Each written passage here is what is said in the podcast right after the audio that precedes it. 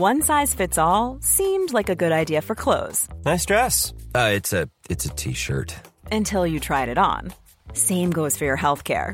That's why United Healthcare offers a variety of flexible, budget friendly coverage for medical, vision, dental, and more. So, whether you're between jobs, coming off a parent's plan, or even missed open enrollment, you can find the plan that fits you best. Find out more about United Healthcare coverage at uh1.com. That's uh1.com. This is Paige, the co-host of Giggly Squad, and I want to tell you about a company that I've been loving, Olive and June. Olive and June gives you everything that you need for a salon quality manicure in one box. And if you break it down, it really comes out to $2 a manicure, which is absolutely insane. It's also so easy to get salon worthy nails at home with Olive and June. The difference between how your nails used to look when you did them yourself and now with the Manny system is a complete game changer. The best thing about Olive and June too is it's a quick dry, dries in about one minute, lasts for five days, and full coverage in up to one to two coats. Visit oliveandjune.com slash perfect manny 20 for 20% off your first system. That's oliveandjune.com slash perfect manny 20 for 20% off your first system.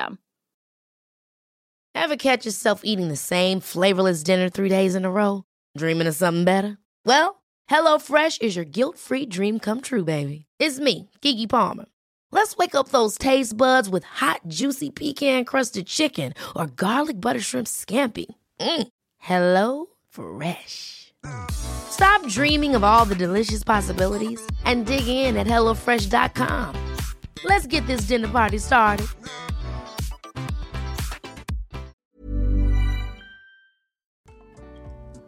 Mitt namn är Sofie Wiberg Jag heter Annika Panotski. och du lyssnar på Medicine Woman Podcast. Vårt mission med den här podden är att guida dig tillbaka till din egna power. Vi kommer att prata om shamanism, djup spiritualitet och ge dig verktyg till att verkligen stå i din kraft och att vara din egna healer. Den här podden är för dig och vi gör den här inre resan tillsammans.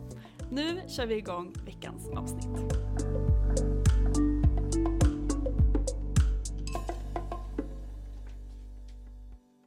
Hej och välkomna till ett nytt avsnitt av Medicine Woman Podcast. Och idag ska vi prata om ett ämne som jag älskar att prata om och faktiskt har skrivit en bok om. Ja! ja, det här är något som ligger oss båda väldigt varmt om Ja. hjärtat. Och det är ju högvibrerande mat. Mm, det är verkligen den här helheten, eller hur? Hur mat reflekterar hela ens välmående, den reflekterar allt det som sker på insidan, alla ens beteenden och mönster. Det är så mycket som sitter i mat, det är så laddat. Och därför så otroligt viktigt att prata om. Och där det kanske kan vara lättare att se olika beteenden och mönster i maten som man inte ser att man har dolda i det undermedvetna. Men det blir liksom att det visar sig där. Eh, och även ett superverktyg för att höja sin vibb. Ja, och för healing har det varit för mig. Det har varit superkraftfullt att för mig ändra om kosten eh, för att också förändra hela mitt liv. För jag hade ju en lång period tills jag upptäckte det här eh, hacket där jag nästan inte kunde leva en, ett normalt liv för att min kropp sa nej till maten jag åt. Vilket jag inte förstod först men som jag förstod lite senare i livet. Men ska vi inte börja med att berätta lite om våra resor kring mat och hur det, hur det har sett ut för oss och hur det, eller våra förändringar kring mat har eh, påverkat oss och vårt liv. Vill du börja? ja, det kan jag göra. Gud, det är en så lång resa, eh, tycker jag. Och jag kommer från ett hem där eh, det som jag har fått med mig i, i det väldigt härliga är att vi alltid åt lagad mat. Mamma hade liksom alltid en middag på bordet, det fanns alltid sallad till. Det var ett sätt som man samlades runt. Eh, så den delen har jag med mig väldigt starkt. Men sen så var det ju otroligt mycket tillgång till socker när jag var liten. Det fanns liksom inga begränsningar där, utan vi fick äta vad vi ville och när vi ville. Det fanns ingen lördagsgodis och man kunde dricka läsk till middagen och allt. Så att, eh, det var inte riktigt de tiderna heller kanske då man pratade så mycket om socker på det här sättet. Och eh, sen så gick det in i så här tonårstiden. Jag blev otroligt kroppsmedveten. Det var tider där det var supermodeller och annat. Och på något sätt så, ja, gick jag in i något jättestrikt. Jag tror att det handlade väldigt mycket för mig om egenkärleken och värdet och hela den biten. Så att det var som att jag hängde upp mig själv på att om jag bara liksom har den här kroppen, då kommer jag att må bra. Vilket resulterade i så många års eh, väldigt hårt beteende till min kropp där jag kontrollerade mig själv, min mat väldigt, väldigt starkt. Eh, det här pågick ju... Oh, liksom beteendemönstret satt i många, många år. Men jag tror att jag har provat allt mellan himmel och jord i stränga dieter. Jag har ätit uberhälsosamt som man gjorde på den tiden och då pratar vi så här träningsmat som egentligen inte alls var läkande för kroppen utan det handlade bara om att ta bort kolhydrater, ta bort eh, fett, ta bort allting som... Det var bara ta bort, ta bort, ta bort. Liksom. Mm. Ät typ ingenting. ja. Och träna jättemycket på det. Och, och jag kommer ihåg, jag mådde så, så, dåligt. Och jag tyckte alltid att sådär, kroppen var ändå... Det var ingenting... Det, jag var bortkopplad från relationen till kroppen. Det var som att jag såg på den bara med några stränga ögon och bara alla fel och allt det jag ville ändra på hela tiden. Så det, det var verkligen hela den ingången tills jag födde barn. Och så fick barn efter det så var det någonting som började skifta. För att jag började få tillbaka den här lite wow-känslan för en kropp.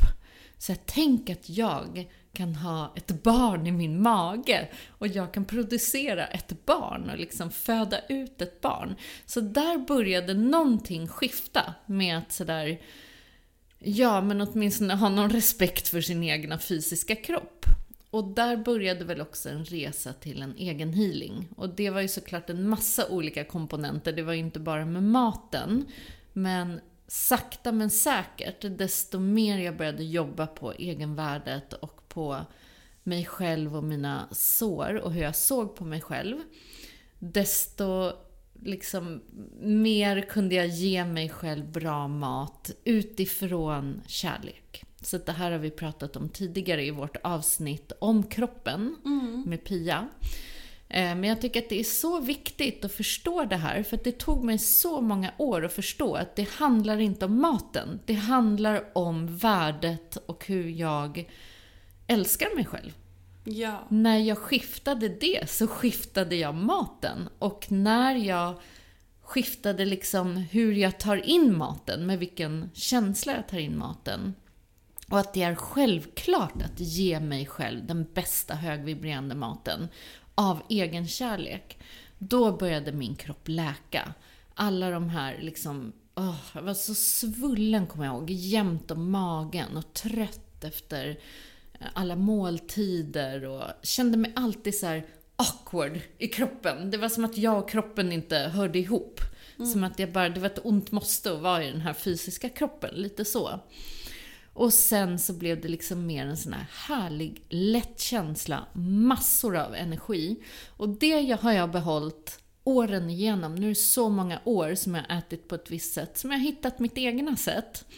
Där det inte handlar om några dieter utan mer landat in i jag älskar levande, högvibrerande mat, alla sorts färger, så naturligt som möjligt från liksom moder jord. När det är hög vibb i maten, då får jag hög vibb. Det är så enkelt egentligen. Och eh, där, det, där det inte handlar om shaming, där jag går efter lusten, där jag njuter av maten, där det ska vara gott Eh, ja, det är många komponenter. Men hur det verkligen har påverkat mina energinivåer. Jag har nästan alltid energi. Alltså det är verkligen... Det ska mycket till för att ta mig ur gängorna och för att göra mig sjuk. Mm. Och då vet jag att jag har gått ur balans med att jag har överjobbat eller inte lyssnat in till min kropp. Men Annars så måste jag säga den mat jag äter, jag vet verkligen vad som ger mig energi. Och jag vet vad som tar. Mm. Hur har det varit för dig? Men jag har ju också tidigare haft en väldigt problematisk relation till både min kropp men också till maten. Och det hänger ju ihop såklart. Eh, även till mig själv på alla plan. Och det var under några år där hela mitt liv och hela mina dagar gick ut på att förändra min kropp på olika sätt. Och eh, det var verkligen det enda som fanns i mitt huvud. Oavsett eh, vad jag gjorde eller vart jag var så tänkte jag hela tiden på vad min nästa måltid skulle vara, eh, hur jag kunde göra för att eh, förändra min kropp med hjälp av maten. Jag var tvungen att träna extremt mycket varje dag och jag var också helt exhausted för att det, ekvationen går såklart inte ihop att eh, jobba och leva sitt liv och jag var också ung då och hänga, hänga med kompisar och samtidigt träna extremt mycket och inte äta någonting. Det säger sig självt att det inte funkar. Eh, men det var också det som då, när jag, under den här perioden på sociala medier, det var det som var. Och det var den saken som man skulle göra. Det var alltid det som man såg och eh, blev liksom inspirerad av. Mm. Sjukt nog. Eh, och under den här perioden så hade jag också extremt mycket problem med min mage. Och det har jag haft hela mitt liv. Det har också påverkat mig väldigt mycket eh, på olika sätt. Jag kunde under flera år inte leva mitt liv på ett normalt sätt för jag var tvungen att vara hemma från skolan ofta. Jag kunde inte åka på resor för jag var så rädd för att min mage inte skulle klara av det. Jag eh, eh ville inte sova över hos kompisar, inte åka buss eller tunnelbana för att det var, jag var så rädd för hur min mage skulle påverkas. Så det var mycket fram och tillbaka stå hos läkare och ta prover men de kunde inte hitta någonting fel med min mage. Ehm, jag var inne på akuten flera gånger för att den verkligen ballade ur. Och ehm, fick väl bara svar att tyvärr så vi hittar ingenting, det är någonting som du kommer få lära dig att leva med för resten av ditt liv. Ehm, vilket jag kände att aldrig mm. i hela mitt liv att jag kommer göra det här till en vanlig grej för att jag kände starkt att det inte var normalt. Um, och då hittade jag den veganska kosten. Mm. Jag um, var alltid väldigt mycket och kollade på olika matvideos och tyckte, har alltid haft ett stort intresse av mat.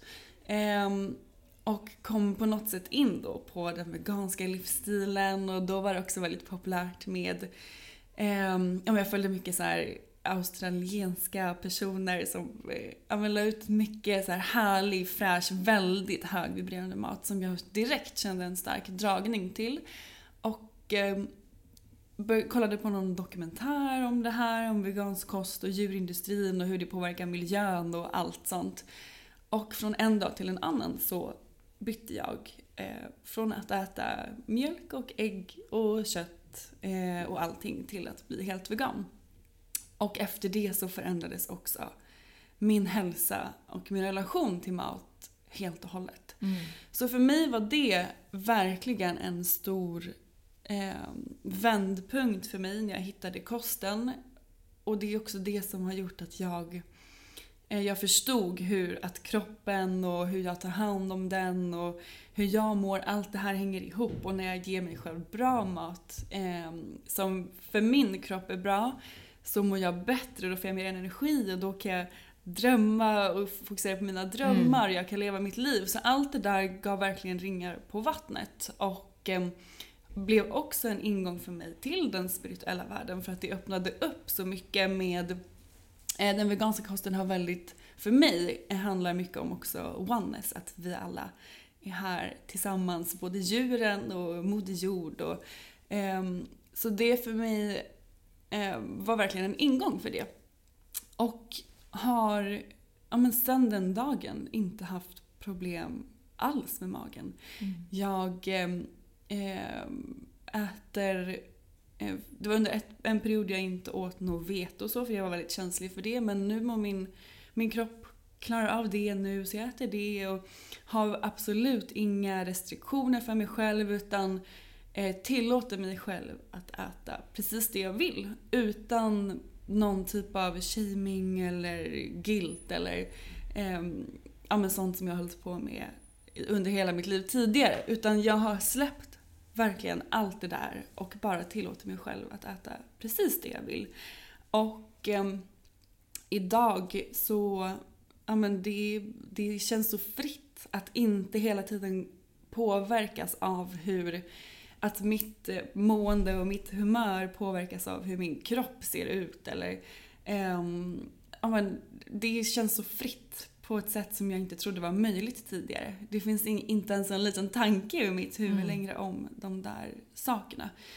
Eh, så det är jag extremt tacksam för. Och så för mig har det verkligen varit kosten, att äta en vegansk kost i kombination med mitt inre jobb. Det är det som förändrade allting. Mm. Ehm, och det som har varit healingen och nyckeln för mig. Mm.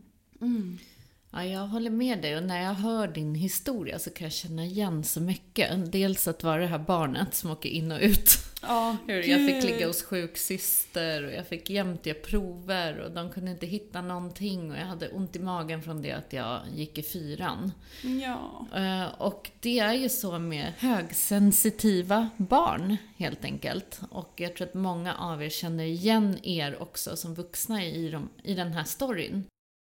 Så om man tänker en matsmältning så är det ju inte bara maten som vi smälter, utan det är ju känslor, intryck, eh, allt det som ska liksom gå igenom vårt energisystem. Så för många som just har den här sensitiva sidan så blir det ju väldigt belastat i systemet helt enkelt. Och eh, det man kan tro är att man är känslig mot mat, men egentligen så handlar det om balansen överlag, att komma in i en balans. Men många gånger har man ju inga verktyg och speciellt inte, jag menar när jag växte upp, man pratade ju inte om högsensitiva barn, utan man slängdes ut dit och sen fick man ligga liksom på soffan hos sjuksyrran. Ja. Och eh, ingen förstod vad det var för någonting. Och som du sa, massa tester och eh, vi kom aldrig egentligen fram till roten. Så för mig har hela mitt så här, första delen av det vuxna livet, det var mycket att så här, söka någon egen väg och försöka komma underfund med. Hur funkar jag? Hur funkar min kropp? Hur funkar liksom mitt inre? Vad behöver jag? Mina behov? Det här som vi har pratat mycket om, så här rotchakrat mm. och behoven, som hör så mycket ihop med näringen och hur vi kan ge oss själva det som vi faktiskt mår bra av. Det är ingenting vi är lärda, utan Nej. det blir som att man famlar i mörkret i så många år innan man börjar komma underfund med vad som faktiskt funkar för en. Ja, och det handlade om väldigt mycket för mig också. Att inte kolla på vad alla andra gjorde och köpa andras kostscheman och upplägg som såldes jättemycket då, eh, när jag var inne i den perioden. Utan istället gå ifrån alla de programmen och lära mig att lyssna in till min egen kropp och vad jag mår bra av. Och att det kanske inte är vad någon annan mår bra av, men det är vad jag behöver göra. Och eh, när jag blev vegan, det var ju typ vad är det, sju år sedan nu. Och då fanns det typ inget, det var verkligen eh, något nytt. Det var, många, det var inte många som hade i där jag bodde, jag kommer från Norrköping. Eh, där var det inte många som hade hört om det och jag hade inga kompisar som var veganer. Alla tyckte jag var konstig och jobbig och det fanns inte så mycket ersättningsprodukter som det finns nu. Det fanns inte ens i kaffe.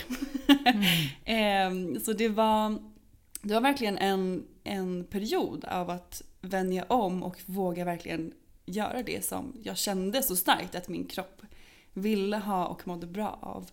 Även fast andra kanske inte tyckte att det lät som en bra idé att göra det. Upplever inte du att det också var så mycket så här labels som skulle läggas på en? Sådär, men ena sekunden så skulle man leva, då var det raw food, då får man bara leva så. Sen är veganskt, då innebär det så. Och så hörde liksom hela personen till på något sätt. Att när du, är, när du äter det här, då är du också det här. Och då umgås du med sådana och gör det här. Så att det blev så mycket att leva upp till. Ja. Så jag vet att när jag jobbade som mest med just kosten så kände jag nästan att jag så målade in mig själv i ett hörn. Där till sist andra trodde att sådär, men gud, ni går väl bara runt och dricker gröna juicer hela dagarna. Och jag kände såhär, men gud, jag hade dåligt samvete om jag gick med en med en eh, kopp kaffe, liksom take away och bara tänk om de ser mig nu, att jag faktiskt också dricker kaffe. Och det var det jag fick slå mig fri ifrån. Sådär, men vänta, min hälsa är min. Jag måste lyssna in till min kropp. Och vad jag gör är mina egna val. Det har ingenting med någon annan att göra. Så sluta med den här shamingen hela tiden mm. som sitter så mycket runt maten. Extremt och istället så här bara, men om jag vill dricka kaffe och en grön juice så passar det min kropp. Eller om jag har valt bort kött så behöver det inte heller vara politiskt. Det är fortfarande en win-win effekt, men det behöver inte vara därför. Jag kanske bara gör det för att jag mår bra av det. Så att allt det här som jag känner att det, det var så mycket att stå till svars för ja. och förklara och Motivera försvara. Motivera sina val ja. extremt mycket. Istället för att säga, men kan det inte bara räcka att jag mår bra av det här och min kropp mår bra av det? Varför ska jag ens behöva eh, förklara det? Mm, ja, och det har ju jag också... Att vara vegan har jag märkt kan trigga väldigt många. Eh, och där har jag otroligt många gånger behövt förklara varför jag gör det jag gör. Eh, fått tusen motargument varför jag inte ska göra det och har du inte tänkt på det här och det här. Bara egentligen för att troligtvis rättfärdiga att deras egna val. Och jag, jag bryr mig inte om vad någon annan gör för det handlar om vad jag mår bra och vad, och vad jag gör eh, för mig själv och min egen kropp. Och vad du gör är upp till dig och det att du får göra det du mår bra av. Så där för mig har det också varit Först så kunde jag så gå in i och känna att jag var tvungen att förklara mig för att många förstod inte. Men sen så slutade jag med det för att jag kände att det spelar ingen roll. Jag vet mm. att jag mår bra av det och då gör jag det för mig. Mm. Så det har verkligen varit en resa i där jag är idag. Men det känns det känns som att jag har landat i någonting som känns väldigt, för mig, balanserat. Eh, och ett sätt att äta på som jag mår väldigt bra av. Och att det får också inkludera allting. Det är inte bara gröna sallader och juicer utan det är också pizzor och, och goda saker chips. som chips och vi har precis ätit här en goda morotskakor och så sånt är också inkluderat i min, i min vardag för att för mig är det också en high vibe food som gör att jag mår bra. Något som jag tycker är gott att äta och det är en viktig del också av, um, av mitt liv.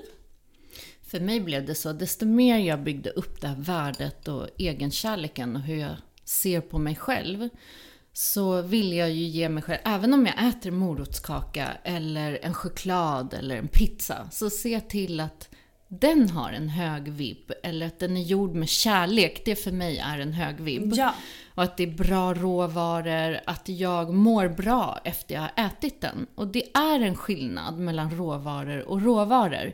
Och kanske så drar jag det till och med längre och ser så här, åh, den här har producerats av någon liten producent och jag supportar dem när jag köper det, så det känns också som hela ledet blir en hög vibb. Och det är sådana val jag vill göra för mig själv och också i förlängningen sådär vad jag väljer att ge in min energi till eller se till att det här byggs starkare in i världen. Där vi faktiskt kan ta ansvar både för oss själva men också vad vi lägger våra pengar på. För det är ju ett argument som jag får höra väldigt ofta. Det är att det är för dyrt för att äta eh, den här typen av maten som du äter. Eh, och för mig, jag har också sådär, ja, man har liksom kommit bort från alla de här att förklara och försvara. Ja. Men där så, så, i mitt egna tänk, alla får ju tänka som de vill såklart, vad som resonerar.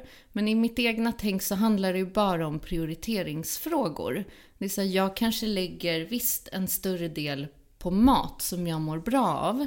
Men jag kanske inte ligger samma del på teknik eller på prylar hem eller kläder eller annat. Så det gäller väl bara att se vad är viktigt för mig för att jag ska må bra och bygga en bra energi av. Och sen har vi ju alla våra saker såklart, men det är inte ett bra argument i alla fall.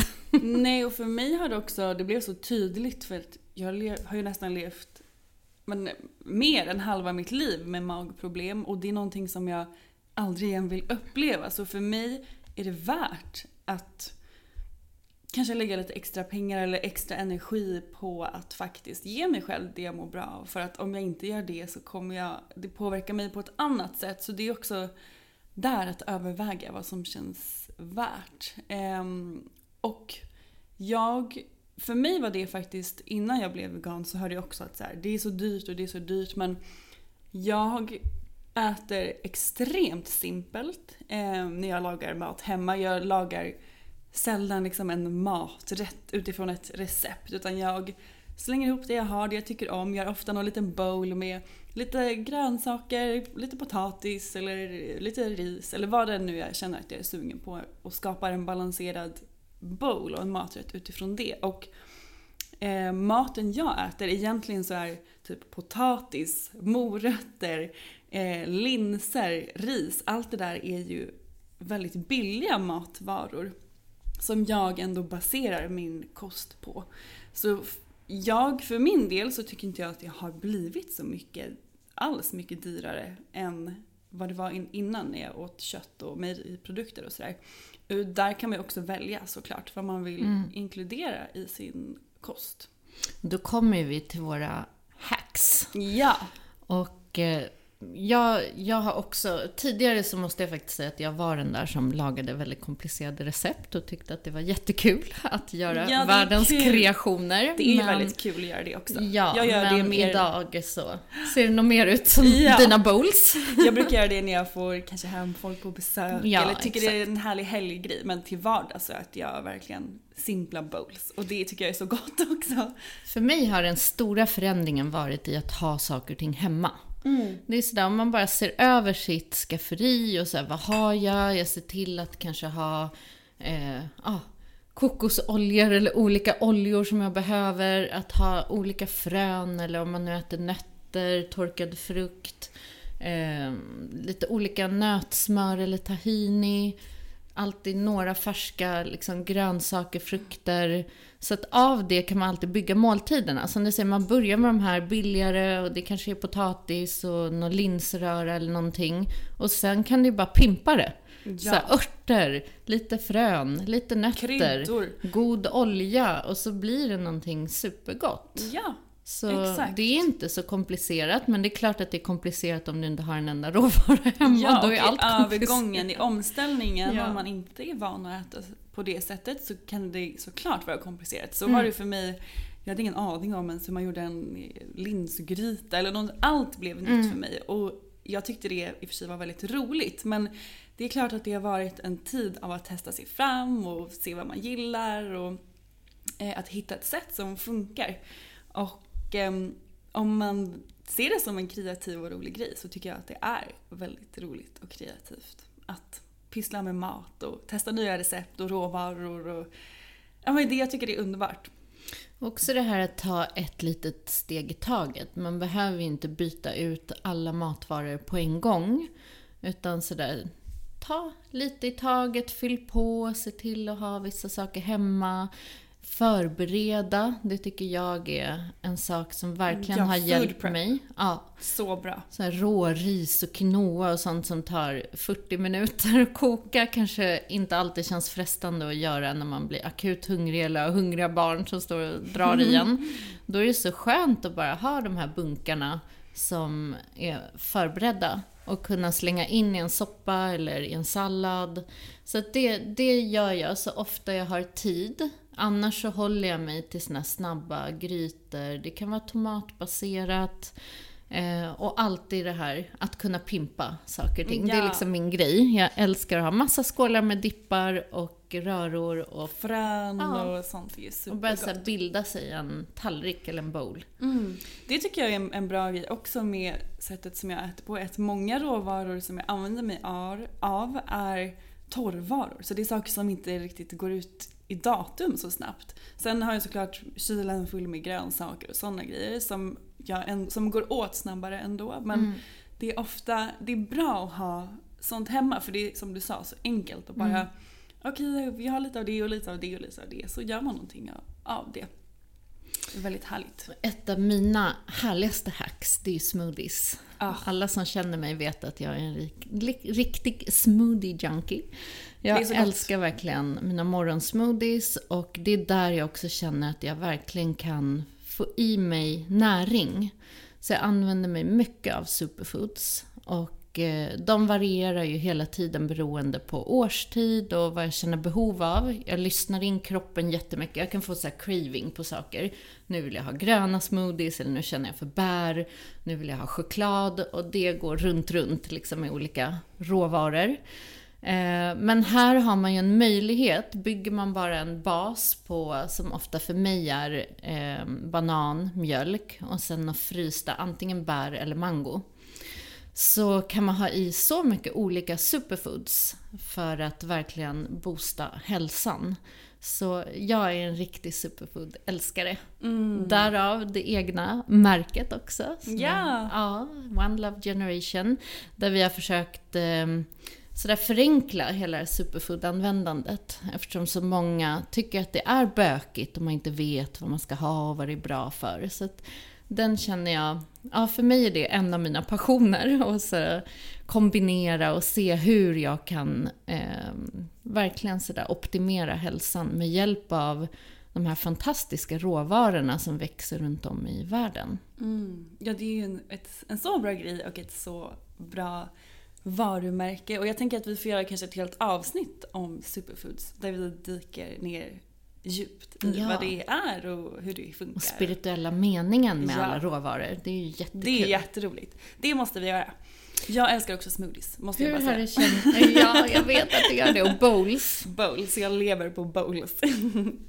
Men hur var det för dig? För att jag vet att många frågar så här, men hur går det när du går ut och äter? Eller när man blir bortbjuden till andra? Att man känner sig så krånglig. Och, hur har mm. du känt med det? I början så kände jag det jättestarkt. Speciellt tyckte jag det var jobbigt att bli bortbjuden hos andra. Eh, när jag just hade gjort den här omställningen. När mina vänner och släktingar och ja, nära personer inte visste om att jag hade gjort det. Så i början så tyckte jag att det var jättejobbigt och eh, hade ibland svårt att kanske tacka nej till saker för att jag kände mig så elak när någon hade stått och lagat massa mat där och så åt inte jag av den. Men det blev också när jag verkligen bestämde mig för att jag, om jag äter det här så mår jag dåligt. Jag kan må dåligt i dagar efteråt för att min mage inte klarar av det och det är inte värt det. Um, så det handlar ju såklart också om, om när jag verkligen såg mitt eget värde i det och och kände att jag behöver göra det här för mig som det också förändrades. Och på samma sätt som det blev en förändring för mig så blev det ju det också för min familj och mina vänner. Och efter ett tag, jag insåg ju såklart att alla vill, vill hjälpa till och att när man berättar så vill de, de tycker också det var kul att testa att laga något nytt och alla tycker alltid har varit så glada och stolta när de har lagat en vegansk variant av någonting och verkligen vill visa upp det. Och det, det är så fint tycker jag att, att det är så och jag är så tacksam för det också. Um, men det jag har gjort mycket eh, är att jag själv har kanske lagat en, en, maträtt. Jag har stämt av vad, vad ska vi äta för någonting. Eh, så gör jag någon vegansk variant på det. Ofta så har man ju eller bygger man ju en måltid kring kanske potatis eller någon sallad eller ris eller eh, något annat som jag ändå kan äta eh, och mår bra av. Så då har jag kanske bara tagit med något som jag kan lägga till för att göra en komplett måltid kring det och sådär. Um, så jag har verkligen hittat mina sätt kring den delen och idag är det verkligen inga problem alls. Just för att alla är så hjälpsamma och också nyfikna och själva smakar och ofta så har de bara gjort någonting veganskt för att det eh, ja men för att de tycker det är gott och tycker det är kul. Så det, jag ser det bara som att det har varit en härlig grej. Och eh, det, idag är det verkligen inga problem alls. Men tycker inte du att det är lite som så spiritualiteten och säkert många andra saker? Att när man själv blir självklar i någonting. För så vet jag att det var för mig när jag började min schamanska väg och det var skallror och trummor och så där i början så kändes det ju lite speciellt att kanske stå i skogen och skallra vid någon process eller något sånt här. Man, någon kom med, var ute med hunden liksom och man tänkte så här, gud nu, vad, vad ser de egentligen? Men när det där blev så självklart i mig och det är inte längre sådär, men det spelar ingen roll. Jag gör min grej och det är, inga, det är ingen annan som behöver tycka och tänka någonting.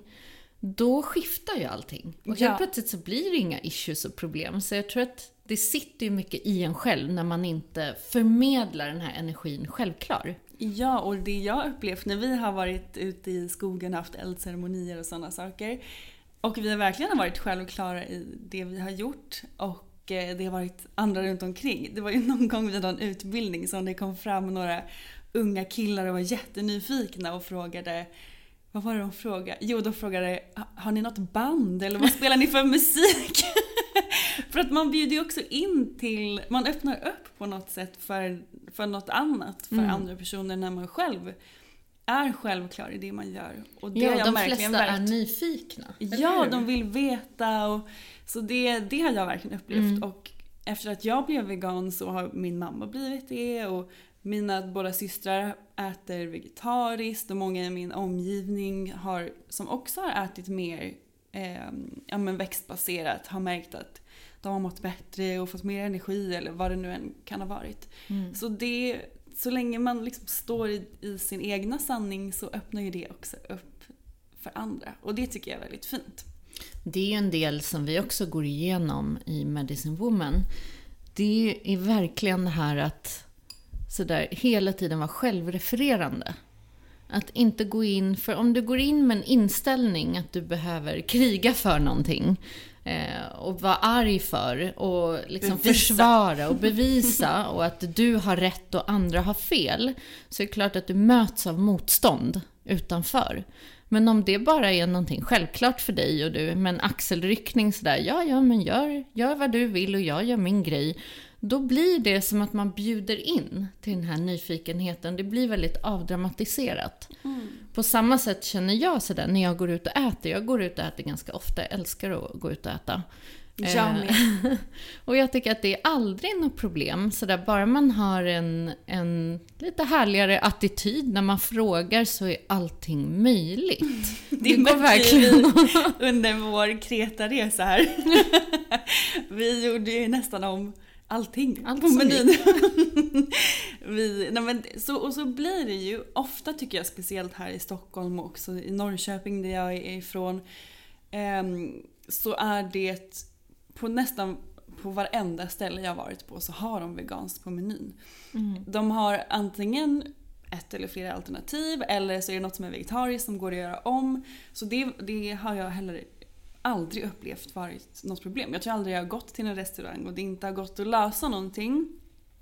Um, så där tror jag bara man får, man får lite make it work. Och som sagt, nu finns det många alternativ som är goda och går att välja på. Så ibland kan jag kolla upp innan om jag ska ut och äta vad, vilka restauranger som har ett bättre utbud än något annat och sådär. Ibland ringer jag och kollar så det är eh, inga problem där heller skulle jag säga. Och att våga fråga. Det går oftast bra om du vill krångla lite och sätta den där på den rätten Ja. och ta bort det där och lägga till. Det, Ja. Jag har aldrig stött på att det är ett problem och jag tror att är det liksom en service så vill man ju ha en glad och nöjd kund helt enkelt. Mm, ja, precis. Så det, det tycker jag också man ska våga göra. Men en annan grej som också har varit jätteviktig för mig är att känna in med vilken intention som jag väljer att äta min mat med. Och vilken intention och energi man själv lägger in i det man äter.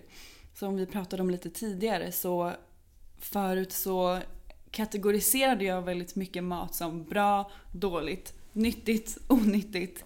Och när jag då åt saker som jag själv ansåg vara dåligt så var det också det som jag, med den energin som jag åt den här maten, vilket påverkade mig jättemycket. Och eh, nu gör jag inte det längre. För att för mig finns det ingen bra eller dålig, nyttig, onyttig mat. Utan allt är mat och sen kanske det finns mer näringsrik mat, mindre näringsrik mat. Men jag tycker inte att något är bättre eller sämre. Sen så kan det vara kanske bättre eller sämre för min kropp. Men inte på grund av vad saker eh, ja, men, innehåller. Jag, jag för mig själv vill inte kategorisera mat så. För att det har tidigare varit något som har påverkat mig mycket. Utan jag väljer att, oavsett vad jag äter och väljer att äta så sätter jag en intention i det som också gör att det blir en högvibrerande energi som jag får i mig. Och det har varit en life changing thing för mig. Ja, men det är mycket som en, som en spirituell practice överhuvudtaget. Om man tittar på det här. Jag gör ett val, jag är tydlig med det jag gör och sen är jag i nuet. Om jag redan har ätit det så finns det ju ingen poäng till att sitta och just sådär ge sig själv den här shamingen eller jag borde inte ha det, jag borde inte si. Utan mer sådär, okej okay, jag åt det här, det var inte det bästa för min kropp. Den mår inte toppen, så nästa gång kanske jag inte väljer den här maträtten. Eller kanske mindre mängd av någonting. Så det gäller att jag tycker så här, sanning, det går igenom allting. Vi har pratat mycket om det. Och egentligen i alla kategorier av sig själv. Att vara sann mot sig själv. Så där, vad är det för mängd? Vad mår jag bra? Vad mår jag inte bra av? Eh, håll inte på och liksom dölj det med massa ursäkter för dig själv. För det är bara dig själv du eh, ljuger för. Eh, utan mer sådär, det är det det är. Du har ätit det, du mådde inte bra av det. Välj annorlunda. Eh, och ligg inte, som du säger, där bra eller dåligt, vad är det? Som, gå inte utifrån vad andra anser, utan vad mår du bra av och vad innebär det för dig? Som till exempel för mig under en lång tid så här, ett glas rödvin till exempel. Som är så här, men gud, är man hälsosam ska man inte göra si eller så. Nej, för mig så innebar det njutning, kanske att ha det i ett gott sällskap, goda samtal.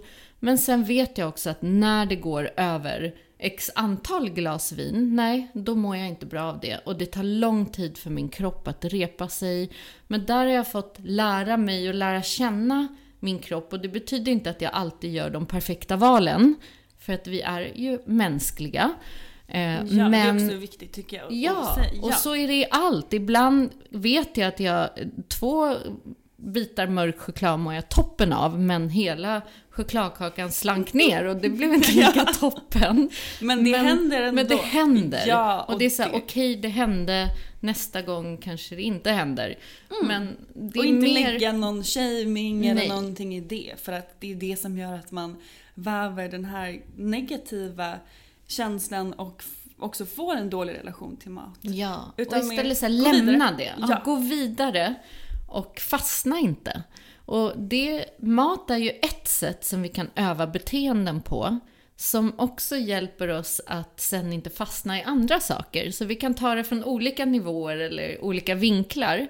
Men mat är ju så tydligt i hur vi håller på med oss själva och alla mönster och beteenden som sitter. Så observera dig själv, dina känslor, tankar som sitter runt maten, hur du ger dig själv, det här är rotchakrat, det är liksom våra, våra basala behov. Eh, hur ger jag mig själv näring? Hur ger jag mig själv kärlek? Eh, värdet, är jag värd den här högvibrerande maten? Är jag värd att må bra och bygga en hälsa?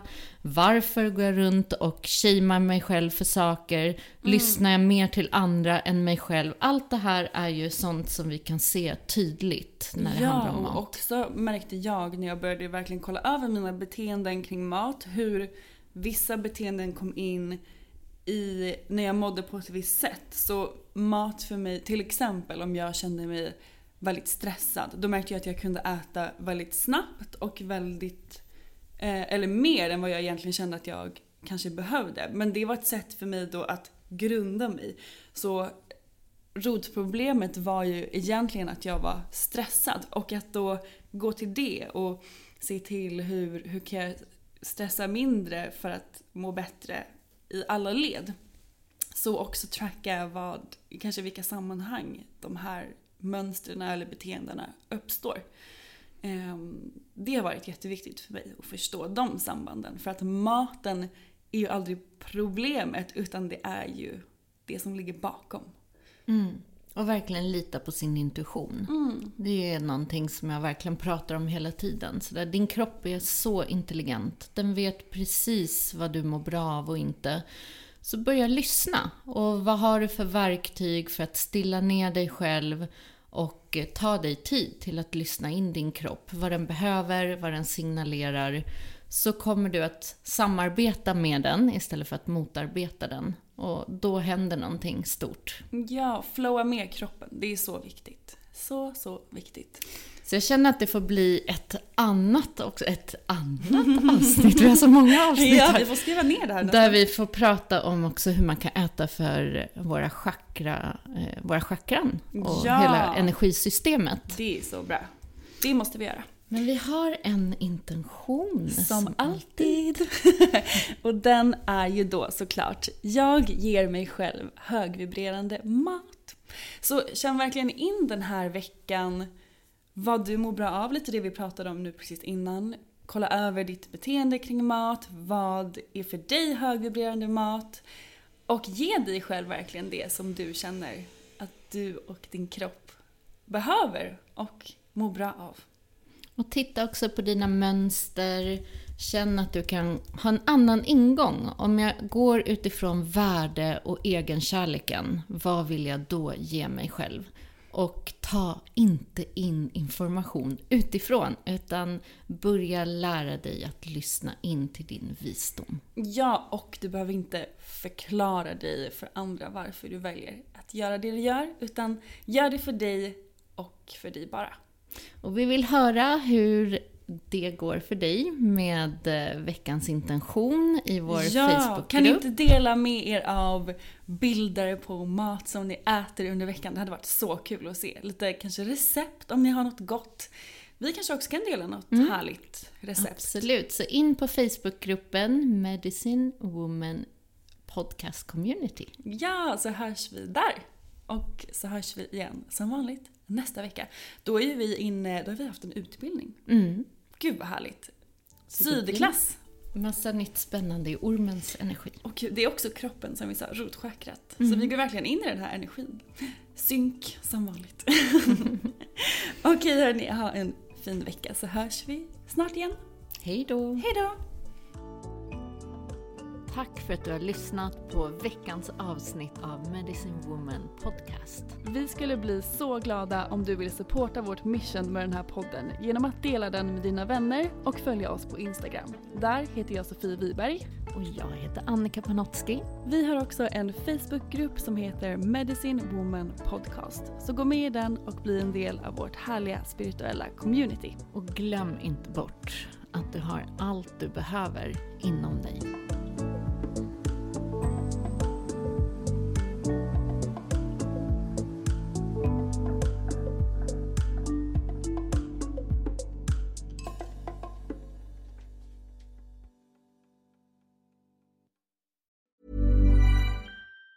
Planning for your next trip? Elevate your travel style with Quince. Quince has all the jet setting essentials you'll want for your next getaway, like European linen, premium luggage options, buttery soft Italian leather bags, and so much more. And it's all priced at 50 to 80% less than similar brands. Plus, Quince only works with factories that use safe and ethical manufacturing practices. Pack your bags with high-quality essentials you'll be wearing for vacations to come with Quince. Go to quince.com slash trip for free shipping and 365-day returns. Ever catch yourself eating the same flavorless dinner three days in a row?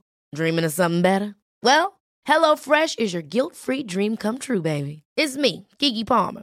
Let's wake up those taste buds with hot, juicy pecan-crusted chicken or garlic butter shrimp scampi. Mm. Hello Fresh. Stop dreaming of all the delicious possibilities and dig in at HelloFresh.com. Let's get this dinner party started. Planning for your next trip? Elevate your travel style with Quince. Quince has all the jet setting essentials you'll want for your next getaway, like European linen, premium luggage options, buttery soft Italian leather bags, and so much more. And is all priced at 50 to 80% less than similar brands. Plus, Quince only works with factories that use safe and ethical manufacturing practices.